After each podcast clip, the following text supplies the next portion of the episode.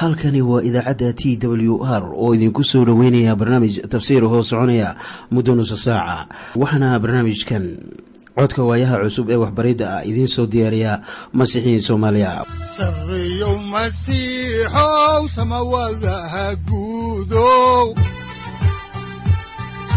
Siraadkii adduunkow subanaha eebow sareyow masiixow samawadaha guudow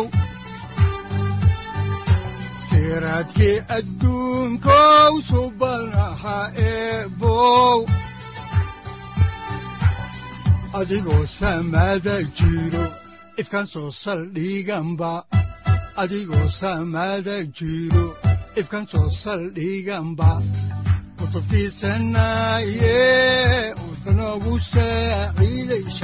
sifahaaga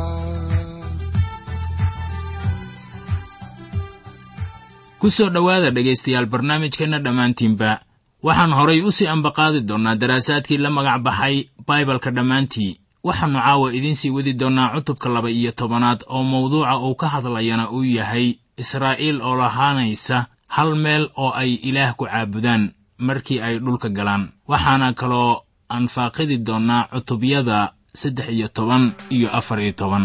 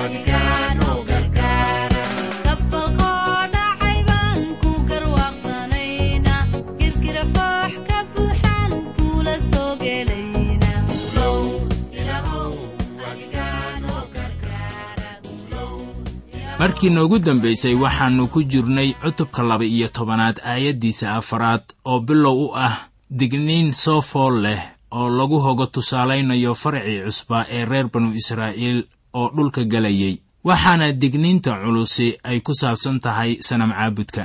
Dadka qaarkii bay la tahay inaannu jirin sanam la caabudayo maanta. Waxaynala noqonaysaa inaannu nahay maanta dad cilmi leh oo aan asnaamta caabudaynin niyadda aadmiga wax waliba waa ka suuroobaan. Waxaa ku qoran qorniinka in ilaah uu yidhi malaha qalbiga dadku waa shar tan iyo yaraantiisii. Haddaba dadku waxay maanta caabudaan hodantinimadooda oo wakhtiba uma hayaan caabudistii ilaah. Waxay wakhti u hayaan shirarka iyo maxfallada howlahooda la xidhiidha. Waxyaabahaas ayaa sanam ay ku hor dhacaan u noqday bini'aadamka haddaan horay idinku sii wadno kitaabka sharciga ku noqoshadiisa cutubka laba iyo tobanaad aayadda shanaad waxaa qoran sida tan. Laakiinse meesha rabbiga ilaahiinna ahu uu qabiilooyinka oo dhan ka dooranayo inuu magaciisa halkaasi dhigo taasoo ah rugtiisa waa inaad doontaan oo halkaas waa inaad timaadaan. Sida abbaarta ah halka ay tahay inay ilaah ku caabudaan waxay ahayd yeruusaalem laakiin ka hor intaanay bilaabin inay macbudka halkaasi ka dhisaan ayaa israa'iil waxay marka hore isugu imaanayaan inay hal meel wax ku wada caabudaan hal meel inay allabaryada ku bixiyaan hal meel inay meeltobnaadyada ku bixiyaan hal meel inay nidarrada ku bixiyaan oo weliba hal meel inay qurbaanka gubniinka ku wada baxsadaan. Waxaanay horkeenayaan wax kasta ee ay bixinayaan ilaah haddaan horay idinku sii wadno kitaabka sharciga ku noqoshadiisa ayaannu eegaynaa haatan cutubka laba iyo tobanaad. Waxaanan hoos ugu daadegaynaa aayadaha shan iyo toban ilaa lix iyo toban waxaana qoran sida tan. Laakiinse waa idin bannaan tahay inaad wax qalataan oo aad irdihiinna gudahooda hilib ku cuntaan in alla intii naftiinnu ay doonayso. Sida ay tahay barakadii uu rabbiga ilaahiinna ahu idiin siiyey oo qofkii daahir ah iyo qofkii aan daahir ahaynba way u cuni karaan sida cawsha iyo deerada loo cuno. Laakiinse waa inaydnaan dhiigga cunin waxaadse dhulka ugu daadisaan sida biyo oo kale. Waxaa kaloo jiray cunno la oggol yahay inay guryahooda ku qaataan ama ay ku cunaan taasuna ma ahayn qayb ka mid ah caabudistooda iyadoo la raacayo waxa sharcigu uu ka leeyahay hilbaha xoolaha ama dugaagga qaar. Cutubka afar iyo tobanaad waxaannu ku arkaynaa in laynagu siinayo xayawaanka la cuni karo ee daahirka ah iyo kan aan daahirka ahayn. Qofka laga dooni maayo inuu isdaahiriyo markii uu gurigiisa wax ku cunayo. Waxaa kaloo xayawaankaasi qurbaanka loo bixinayo wehliya in xitaa loo oggol yahay inay cunaan kuwa duurjoogta ah qaarkood kuwaasoo ka mid ah kuwa xalaasha ah. Xeerka halkan lagu qoray wuxuu mamnuucayaa in ay dhiigga oo sidiisa ah cabaan. Waxaase taasi ka hor imaanaya in wax kasta oo ay ilaah u bixinayaan ay ilaah hortiisa ku cunaan. Waxaanay fadhiisanayaan meel iyaga loo habeeyey inay allabariga ay bixinayaan hilbihiisa ku cunaan in kastoo uu jiro qurbaannada qaar oo aan innaba waxba laga cunaynin. Haddaan horay idinku sii wadno kitaabka sharciga ku noqoshadiisa oo aan eegno haatan cutubka laba iyo tobanaad aayadaha kow iyo labaatan ilaa shan iyo labaatan annagoo hoos u yara dhaadhacayna ayaa waxaa qoran sida tan. Haddii meesha rabbiga ilaahiinna ahu uu u dooranayo inuu magaciisa dhigo ay idinka fog tahay. Markaas waa inaad lo'diinna iyo arigiinna uu rabbiga idiin siiyey wax uga qalataan sida aan idinku amray oo waa inaad irdihiinna gudahooda ku cuntaan in alla inta nasadiinnu ay doonayso oo waxaad iyaga u cuntaan sida loo cuno cawsha iyo deerada iyo qofkii daahir ah iyo qofkii aan daahir ahaynuba isku si ha u cuneen laakiinse waxaa keliyahoo hubsataan inaydnaan dhiigga cunin. Waayo dhiiggu waa nolosha. Haddaba waa inaydnaan cunin hilibka noloshiisu ay la jirto. Waa inaydnaan dhiigga cunin. Waxaadse dhulka ugu daadisaan sida biyo oo kale. Waa inaydnaan cunin si aad u nabdoonaataan idinka iyo carruurtiinna idinka dambaysaba markaad yeeshaan waxa ku quman rabbiga hortiisa. Waxaa ku qoran kitaabka laawiyiinta cutubka toddoba iyo tobanaad. Markii reer banu israa'iil ay joogeen xeryihii ku yiilay cidlada ayaa loo sheegay in mar kasta ee ay gowracaan dibi wan ama orgi inay dhiigga ku rusheeyaan halka allabariga lagu bixiyo. Waxaanay xeedha u bixinayaan caraf udgoon iyagoo ku ridaya halka dabku uu ka baxayo. Ka hor intaa ayaan neefka gowricin. Wax kastoo uu yahayba waa in qofka wax bixinaya marka hore uu ilaah hor keenaa xoolaha. Markaasaa ilaah uu ku odhanayaa xayawaanka cunno waad u cuni karaysaan laakiin ma ahan inaad dhiiggiisa cabtaan. Dhiiggu wuxuu u taagan yahay nolol waana sababtaas tan qorniinku uu u adkaynayo dhiigga masiixa haddaan horay idinku sii wadno kitaabka sharciga ku noqoshadiisa cutubka laba iyo tobanaad ayaannu haatan eegaynaa aayadaha sagaal iyo labaatan ilaa kow iyo soddon. Waxaana ay leeyihiin sida tan. Markii rabbiga ilaahiinna ahu hortiinna uu ka wada gooyo quruumaha aad u socotaan inaad hantidaan oo aad hantidaan ee aad dalkooda iska degtaan digtoonaada yaan dabin laydinku qabsan si aad iyaga u raacdaan markii iyaga hortiinna laga baabi'iyo kadib oo ha haybsanina ilaahyadooda oo ha odhanina war quruumahanu sidee bay ugu adeegaan ilaahyadooda. Annana sidaas oo kalaannu yeelaynaaye. Waa inaydnaan rabbiga ilaahiinna ah saas ku samayn. Maxaa yeelay wax kasta oo rabbiga karaahsado oo uu necab yahay ayay iyagu ilaahyadooda ku sameeyaan oo xataa wiilashooda iyo gabdhahooda bay u gubaan ilaahyadooda. Waxaa lagu celceliyey inay laayaan quruumahaasi dalka deggan. Si iyaga ayaan u dabin ama u soo gelinin diimahooda karaahiyada ah. Quruumahaas waxay ahaayeen sanam caabudayaal isla sida ay aaminsanaayeen kuwa caabuda baal. Ayaa kuwo badan oo lahaa diimo guracan ay ilmahooda u bixin jireen ilaah ku-sheegyadooda sanamka nuxaasta ah ama birta ka samaysan ayay dab ku shidayaan oo markii u gaduuto ayay gacmihiisa saarayaan ilmihii yaraa war bal maxaa waxaasi ka xun ee la odhan karaa quruntanu uma qalmin in dhulka laga wada baabi'iyo. Ilaahna wuxuu leeyahay aad baan u necbahay falimahooda oo karaahiyo ayay ii yihiin.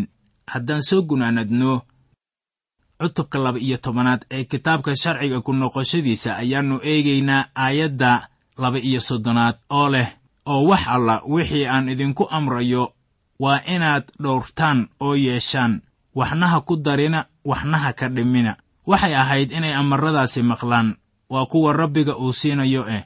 Haddii ay ilaah addeeci waayaan ilaah wuxuu ula macaamiloonayaa isla sida uu ula macaamiloodo qurumaha kale haddaan intaasi ku soo koobno cutubkan laba iyo tobanaad ayaannu idiin bilaabi doonnaa kan saddex iyo tobanaad.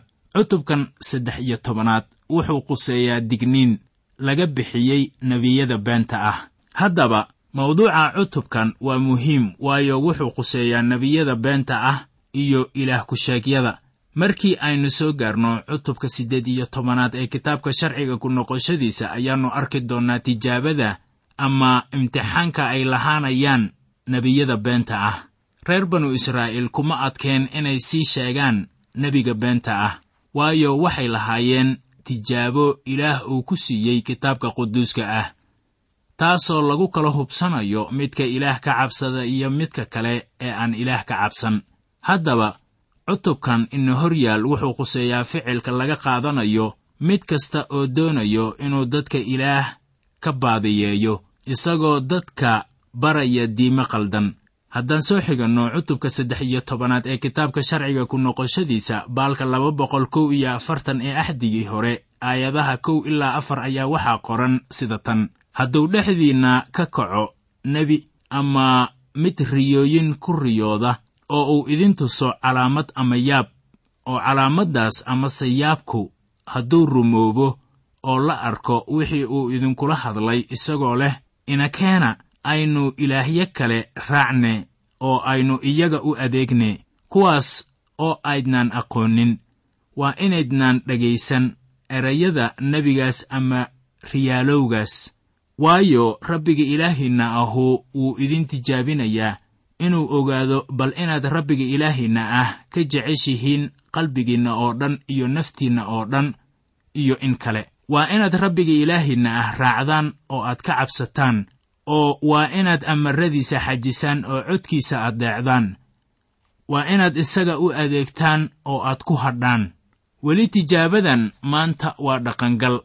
Dad badan ayaa waxay leeyihiin dadka isku sheega inay yihiin nebiyo baryaha kan inay qayb ka yihiin waxyaabihii horay loogu saadaaliyey kitaabka ee la lahaa wakhtiga dhammaadkiisa. Waxaa kici doona kuwo badan oo yidhaahda waxaynu nahay nebiyo laakiin ilaah uu inoo digay oo wuxuu inagu leeyahay haddii nebiyadaasu ay idinku kaxeeyaan haddii nebiyadaasu ay idinka kaxeeyaan la socodka masiixa waad lumaysaan hee ha raacinina.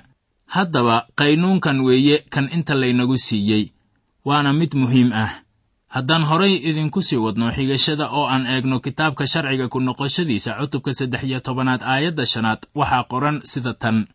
Oo nebigaas ama riyaalowgaas waa in la dilaa maxaa yeelay wuxuu ku hadlay wax ku caasinimo ah rabbiga ilaahiinna ah oo idinka soo bixiyey dalkii masar oo idinka soo furtay gurigii addoonsiga si uu idinka leexiyo jidkii rabbiga ilaahiinna ah uu idinku amray inaad ku socotaan oo saas waa inaad shar dhexdiinna uga saartaan haddaba waxaad halkan ka ogaanaysaa nebiga isku daya inuu dadka ka kaxeeyo caabudista dhabta ah ee ilaah inay ahayd in la dhagxiyo ilaa uu dhinto. Miyaa haddaba taasu ay u muuqataa seeflaboodnimo mise waxa weeye ciqaab daran? Haddaba waxaan idinku leeyahay nebiyadaas beenaalayaasha ah waa sida kansar kansarkana waa in sida ugu dhaqsiyaha badan loo gooyaa haddaba taas ayaa inoo sheegaysa waxa rabbiga uu ka leeyahay nebiyada beenaalayaasha ah ee iyagoo aan ilaah ka iman leh waxaynu ka nimid ilaah. Waxaa jira siyaabo fara badan oo maanta looga hor imaanayo hadalladii ilaah taasoo welibana noqotay ilbaxnimo kuwa sidaa sameeyana ciqaab lama saaro. Waxaaba dhacda in dalalka horay u maray xitaa ay leeyihiin meelaha maxfallada ah ma ahan in dadku ay ku tukadaan ama ay ka wacdiyaan. Haddaba ilaah ma oggola in nebiyada beenta ah ay dadka ku sii dhex jiraan waayo buu leeyahay way ka leexinayaan dadka inay ilaah caabudaan. Sababtaas aawadeed buu ilaah xukun ugu soo rogay waxaana baibalka ku qoran qiso ka hadlaysa nebiyo fara badan oo aan ilaah ka cabsanin oo la laynayo wakhtigii nebi ilyaas. Waxaanay weliba keentay in boqortooyadii waqooyi ee reer banu israa'iil ay laba boqortooyo u kala baxeen markii nebi sulaymaan uu dhintay. Ayaa maxaabiis ahaan loo kaxaystay iyadoo ay ugu wacan tahay dadkii oo laga leexiyey tubtii ilaah. Waxaana dhacday in nebiyo beenaalayaal fara badan ay dadka been kula hadlayeen wakhti dheer oo welibana lama dhagxinin taasuna waxay keentay in qarankii oo dhan loo gacangeliyo baabiloon. Haddaan horay idinku sii ambaqaadno xigashada kitaabka ayaannu eegaynaa cutubka saddex iyo tobanaad aayadaha lix ilaa sagaal waxaana qoran sida tan. Oo haddii walaalka oo ah wiilkii hooyada ama wiilkaaga ama gabadhaada ama naagtaada laabta kaaga jiifta ama saaxiibkaaga sida naftaada kula mid ahu uu si qarsoodi ah kugu sasabo oo uu ku yidhaahdo inakeena aynu u adeegnay ilaahyo kale kuwaasoo aadan aqoon adiga iyo awowayaasha toona ee ah ilaahyada dadyowga hareerihiinna ku wareegsan ha ahaadeen. Kuwa kuu dhow ama kuwa kaa fog ee jooga dunida geesteeda iyo xataa tan iyo geesteeda kale. Kaas waa inaadan la heshiin oo isaga ha dhegaysan hana u nexin hana u turin hana qarin isaga. Laakiinse kaas hubaal waa inaad dishaa. Oo gacantaadu ha ahaato tan ugu horraysa oo isaga disha. Dabadeedna dadka oo dhammu ha u gacan qaadeen. Haddaba kuwo badan oo maanta nool oo aad wax u bartay ayaa odhanaya marka ay doodaha ka dhiibanayaan baibalka taasu waa ciqaab kulul oo aan habboonayn. Kuwaasu ka fakari maayaan waxbaridda masiixinimada ee lagu soo anqariyey taasoo ah in sharciga la dhowro oo ciqaabna la saaro haddaan sharciga la addeecin. Haddaba kuwa aan raacin sharciga waxaan garanayaa in ciqaab ay leeyihiin soomaalidu markay dawlad ahayd waxaa daldalaad lagu xukumi jiray amaba tiirka la geen jiray kuwa dadka laaya. Haddaba dhammaanteen waxaynu garanaynaa in ninkaas la dilayo uu ahaa dembiile laakiin aan innaba marag been ah lagu furin wuuna u dhiman jiray ciqaabtiisa. Sharcigan ilaah oo soo saaray ee ah kuwa dadka dullaynaya oo u horseedaya dhimasho iyo baaba ayaa isna la mid ah. Waayo dadka ayuu ku difaacayaa sharciga.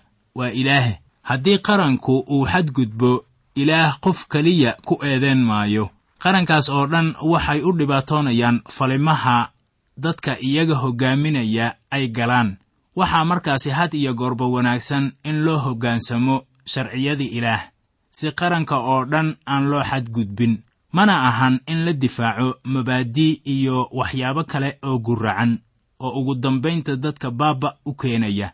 Haddaan xigashada dib ugu noqonno ayaannu eegaynaa kitaabka sharciga ku noqoshadiisa cutubka saddex iyo tobanaad aayadda tobanaad. Waxaana qoran sida tan oo waa inaad dhagxisaan si uu u dhinto maxaa yeelay wuxuu damcay inuu kaa fogeeyo rabbiga ilaahaaga ah oo idinka soo bixiyey dalkii masar iyo gurigii addoonsiga haddaba kuwa sidan wax u xadgudbinaya wuxuu ilaah ku soo rogay ciqaab dil ah.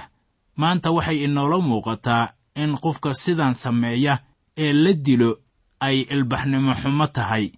Waxaan malaynayaa in bulshada sidaas aaminsan ay dareensan yihiin in ilaah aannu ilbax ahayn. Marka ay sidaas tahay haddaba ayaan kuwaasi weydinayaa war xaggee baa ilbaxnimadu ay ka timid asalkeedii hore taasoo aad haysataan iminka. Ilbaxnimo dhammaanteed haddaba dhegaystow waxay ka soo burqataa ama ka timaadaa hadallada ilaah. Dadka ilbaxa lagu sheegana waa kuwa ilaah aaminsan ama kitaabiga ah. Haddii aan la dhowrin sharciyada ilaah uu ina farayo waxay badinaysaa ammaandarrada iyo xasiloonni la'aanta.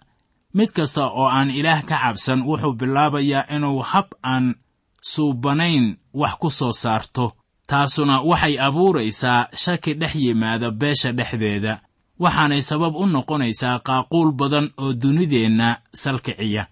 Haddaan horay idinku sii wadno xigashada oo aan eegno aayadda kow iyo tobanaad waxaa qoran sida tan oo reer banu israa'iil oo dhammu way maqli doonaan wayna cabsan doonaan oo mar dambe ma ay samayn doonaan shar la mid ah. Sida kan idinku dhex jira oo kale. Waxaa markaasi cad inaanay ka tegaynin caabudista ilaaha baaqiga ah ee jira. Haddii sharcigaas la raaco mar kasta oo ay ilaah addeecaan waxaa jiraya barako.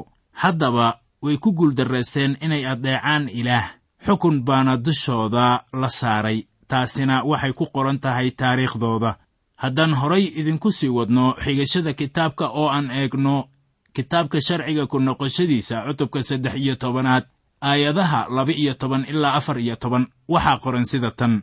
Oo haddaad wax ka maqashaan mid ka mid ah magaalooyinka rabbiga ilaahiinna ah uu idiin siinayo inaad degtaan iyadoo la leeyahay dad wax matarayaal ah baa dhexdiinna ka baxay oo waxay jiiteen dadkii magaaladooda degganaa iyagoo leh inakeena oo aynu u adeegno ilaahyo kale kuwaasoo aydnan aqoonin. Markaas waa inaad weyddiisaan oo baadhaan oo aad iyo aad u hubisaan oo bal eeg haddii taasu run tahay oo ay tahay wax hubaal ah. In karaahiyada caynkaas ah dhexdiinna lagu sameeyey maxaa dhacaya? Dib ayaannu ka sii wadi doonnaa aayadda ugu dambaysa oo aan dhammaystirnayn. Balse waxaa inta laynagu sheegayaa inaanay xaalka caynkaas ah haddii la maqlo aan deg deg ama hubsiimo la'aan dad lagu laayin. Waxaa markaasi la qaadayaa baaritaan dhammaystiran oo markii runtu ay soo baxdo inay dadka caynkaas ah jiraan markaa ayaa tallaabo la qaadayaa waxaa ku qoran aayadaha shan iyo toban ilaa lix iyo toban oo haddaan ku yaro noqonno qaybo ka mid ah aayadaha afar iyo toban ilaa iyo aayadda lix iyo toban ayaa waxaa qoran sida tan oo ay tahay wax hubaal ah in karaahiyada caynkaas ah dhexdiinna lagu sameeyey. Markaas dadka magaaladaas deggan hubaal waa inaad seef ku laysaan oo dhammaanteed waa inaad wada baabi'isaan. Oo kulli waxaa magaaladaasi ku jira iyo xoolaheedaba seef ku laaya oo alaabteeda dhaca ah oo dhanna waxaad ku soo ururisaan jidka dhexdiisa oo waa inaad rabbiga ilaahiinna ah dhammaan u gubtaan magaalada iyo alaabteeda oo dhanba oo weligeed waxay ahaan doontaa tuulmo oo mar dambena lama dhisi doono. Mar kale ayaan arkaynaa in tani ay tahay wax naxdin leh. Waayo waxaa la amrayaa in magaalada dhan loo gubo xadgudubkaas ay wax ka qaban waayeen.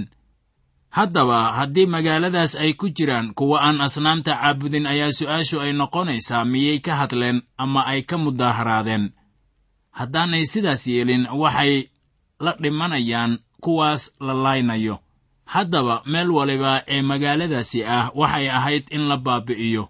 Haddaan cutubkan soo koobno ayaa waxaa ku qoran kitaabka sharciga ku noqoshadiisa cutubka saddex iyo tobanaad aayadda toddoba iyo tobanaad sida tan. Oo gacantiinna yaanay waxba kaga harin alaabta xaaraanta ah in rabbiga uu ka soo noqdo caradiisii kululayd oo uu siduu awowayaashiin ugu dhaartay idinku naxariisto ou idinku naxo ou idin tarmiyo iminkana waxaynu si toos ah u gelaynaa cutubka afar iyo tobanaad ee kitaabka sharciga ku noqoshadiisa baalka laba boqol iyo laba iyo afartan ee ahdigii hore. Mawduuca cutubkan waa mid waxa weeye cunnada ay reer banu israa'iil cunayaan. Maaddada ugu horraysa ayaase waxay noqonaysaa mamnuucidda xeerarka quruumaha karaahiyada ah. Haddaan horay idinku sii wadno xigashada kitaabka oo aan eegno aayadaha kow ilaa labo ee cutubka afar iyo tobanaad waxaa qoran sida tan. Idinku waxaad tihiin rabbiga ilaahinna ah carruurtiisii haddaba qof dhintay aawadiis jidhkiinna ha u goynina oo indhihiinna dhexdoodana ha u xiidhina waayo waxaad rabbiga ilaahinna ah u tihiin dad quduus ah oo rabbigu wuxuu idin doortay inaad ahaataan dad hanti isaga uga ah dadyowga dhulka jooga oo dhan waxaa baryahaasi dadku ay lahaayeen xeerar iyo caadooyin. Waxaana dunida aynu ku arkaynaa in dhaqamada dadku ay jidhkooda ku googooyaan weli la xusuusan yahay taasoo qaarkood ay wejiyadooda ku jeexjeexaan. Waxay taasu qayb ka tahay diintooda. Dadka ilaah ma ahayn inay jidhkooda jarjaraan ama wejiyadooda ay jeexjeexaan iminka waxaynu soo gaarnay maaddada kale ee ku saabsan sharciga cunnada ama waxyaabaha xalaasha ah iyo waxyaabaha aan xalaasha ahayn. Waxaan haddaba kitaabka laawiyiinta kaga hadalnay maaddadaasi si tafatiran. Cunnadan rabbigu dadkiisa uu ka xaaraantimaynayo iyo kuwa uu u fasaxayo ayaa dhaafsiisan diin un. Laakiin waxaa ku jira faa'iido caafimaad haddii la dhowro taana sannado badan ayaa la baarayey waana la soo saaray. Wuxuu iminka u kala saarayaa xayawaanka ay cuni karaan iyo kuwa aanay cunaynin. Haddaan xigashada halkeedii idinka sii wadno oo aan eegno cutubka afar iyo tobanaad aayadaha saddex ilaa lix waxaa qoran sida tan. Waa inaydnaan cunin innaba. Wax karaahiye ah. Kuwanu waa xayawaanka aad hilibkooda cunaysaan oo waa lo'da iyo idaha iyo riyaha iyo deerada iyo coosha iyo dibtaagta iyo garanuugta iyo goodirka iyo biciidka iyo aridibadeedka. Xayawaan kasta oo raafkiisu uu kala jeexan yahay oo calyanaqsiga raamsado oo xayawaanka ka mid ah kaas waa inaad cuntaan.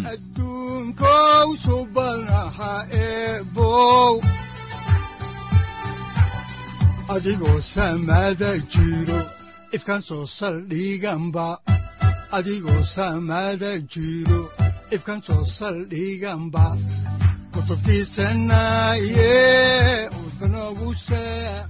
halkani waa t w r idaacadda t w r oo idinku leh ilaa ha idin barakeeyo oo ha idinku anfaco wixii aad caawi ka maqasheen barnaamijka.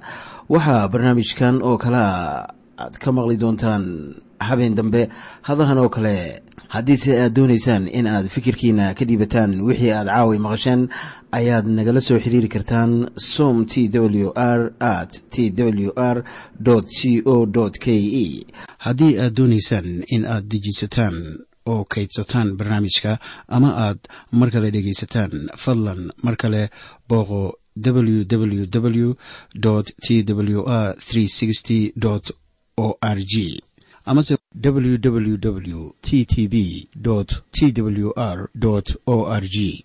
Amase waxaad teleefoonkaaga ku kaydsataa ama ku download garaysataa agabyada ku sahli karaa dhegeysiga t w r haddii aad doonayso in laga kaalmeeyo dhinacyada fahamka kitaabka amase aad u baahan tahay duco fadlan fariimahaaga soo mari bogga aaraahda ama kommentska inana jawaab degdeg ah ayaanu ku soo diri doonaa amase ku siin doonaaye sareyow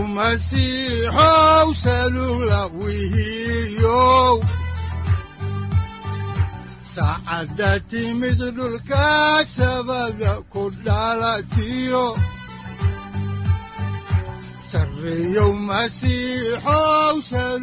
halkani waa t w r oo idiin rajaynaya habeen baraare iyo barwaaqaba leh. Inta aynu ka gaari doono wakhti aynu ku kulanno barnaamij la mida kan caawayay aad maqasheen. Waxa aan idinku leeyahay nabadda ciise masiix ha idinku badato xagga jidhka iyo ruuxaba. Aamiin